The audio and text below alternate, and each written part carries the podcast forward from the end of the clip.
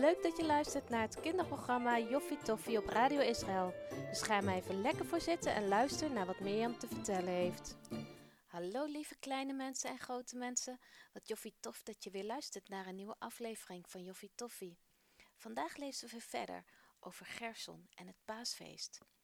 En ik heb jullie al best wel veel verteld over het paasfeest. En ik heb jullie ook al een keer verteld over de zedemaaltijd die met het paasfeest gevierd wordt. Maar daar wil ik vandaag toch nog een beetje meer over vertellen. En tijdens de zedemaaltijd wordt gevierd dat de Israëlieten uit Egypte weggingen.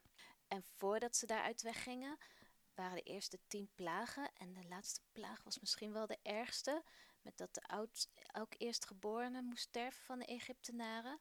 En daarna mocht, het, mocht het volk eindelijk weg. Toen werd het volk nog achtervolgd en kwamen ze bij een grote zee, waar ze geen kant meer op kunnen, konden. En God die spleet de zee in tweeën, zodat ze er doorheen konden. En toen de Egyptenaren in de zee waren, toen liet God de zee weer bij elkaar stromen, zodat alle Egyptenaren stierven en ze de Israëlieten niet meer konden achtervolgen. En tijdens de zedemaaltijd wordt het hele gebeurtenis, deze hele geschiedenis wordt herhaald en wordt aangedacht. Want het was zo fantastisch dat de Israëlieten bevrijd werden van de Egyptenaren. En weet je dat Yeshua, toen hij leefde, ook de zedemaaltijd vierde? En deze zedemaaltijd vierde hij vlak voordat hij stierf. Maar toch was hij super blij om de, om de zedemaaltijd te vieren met zijn vrienden. Want in Lucas 22, vers 15 staat: Hij zei tegen hen: Ik heb er hevig naar verlangd dit bezigmaal met jullie te eten, voor de tijd van mijn lijden aanbreekt. Tijdens de Pesachmaaltijd werd een grote bevrijding gevierd. En denk je dat Jezus er ook aan moest denken dat zijn sterven misschien wel super erg moest zijn, maar dat het een hele grote bevrijding teweeg zal brengen, waar Jezus alles voor over heeft. En dat Hij dit voor jou en mij heeft gedaan, zodat wij vrij kunnen zijn van de zonde en van de slechte dingen. Laten we verder lezen in het verhaal over Gerson. Hi jongen, lacht papa als Gerson de kamer binnenstapt. Fijn dat je weer thuis bent. Hoe was het op school vandaag? Gerson ploft neer op de bank en legt zijn benen op tafel. Doe maar alsof je thuis bent hoor, grapt papa. Gerson zucht eens diep. Het was wel leuk, zegt hij. Maar, maar, vraagt papa, is er iets gebeurd? Gerson knikt. Jos en ik moesten nablijven. Oei, dat is niet zo best, zegt papa. Hij kijkt een beetje bezorgd bij. Wil je vertellen wat er gebeurd is? Gerson weet niet zo goed waar hij moet beginnen. Maar dan zegt hij: We gingen vanmiddag verven op school. Daar aan die grote knutseltafels, weet u wel. Jos en ik stonden naast elkaar en ineens gaf Jos met zijn kwast een lik rode verf op, op mijn neus. Hij bedoelde het natuurlijk als grap, maar ik werd echt heel boos op hem. Ik stopte vlug mijn kwast in de verfpot en was van plan om zijn haar helemaal blauw te maken. Maar toen zag de meester het. Hij werd natuurlijk boos op ons allebei. En we moesten alles gaan schoonmaken bij de kraan en allebei op onze kruk in de hoek van het lokaal gaan zitten. Na schooltijd hebben we een hele preek van de meester gehad. En we moesten ook nog een super saaie strafregel schrijven. Als Gerson is uitgepraat, zegt papa: Wat vind je zelf van? Je werd boos en wilde Jos eigenlijk gelijk terugpakken. Had je ook op een andere manier kunnen reageren? Gerson knikt. Ja, dat vroeg de meester ook. Ik had beter mijn gezicht kunnen gaan wassen en het tegen de meester kunnen gaan zeggen. Maar ik schaamde me met die rode verf op mijn neus en ik werd zo kwaad van binnen. Ik begrijp het, zegt papa. Maar je meester heeft wel gelijk. We worden zo snel boos en doen dan allerlei dingen waar we dan later spijt van krijgen. Maar kom, ik ben blij dat je het eerlijk verteld hebt. Want eerlijk duurt het langst, maakt Gerson de zin af. Vertel nu eens even wat er leuk was op school, vraagt papa. Gerson hoeft niet lang na te denken. We moesten een opstel schrijven, zei hij enthousiast. Het is nog niet af, want we mogen er de hele week over doen. Dat is nog eens een leuke opdracht, zegt papa. Waar gaat het over?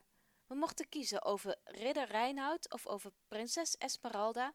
Ik heb natuurlijk ridder Reinoud gekozen, zegt Gerson.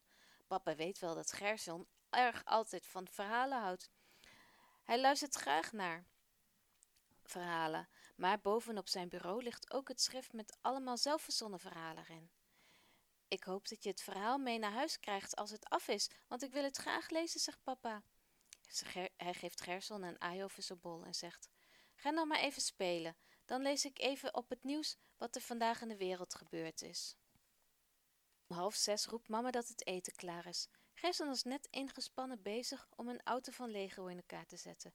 Dan hoort hij Caleb de trap afstommelen. Zal hij nog even doorgaan met de auto? Maar als hij Terza lasagne hoort roepen, dan komt hij gelijk in beweging. Hij springt overeind en roet zo de trap af. Zo, jullie hebben er zin in, lacht mama. Kom maar vlug zitten.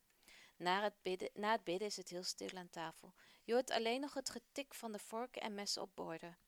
Nou, zeg, heeft niemand iets te vertellen? vraagt papa. Hij kijkt of alsof hij verbaasd is. Lasagne is gewoon te lekker, zegt Teersa met haar mond vol. Teersa, niet met je mond vol praten, waarschuwt mama.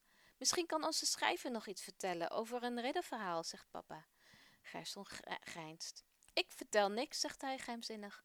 Als het verhaal af is, mogen jullie het lezen voor een euro. Ze schieten allemaal in de lach.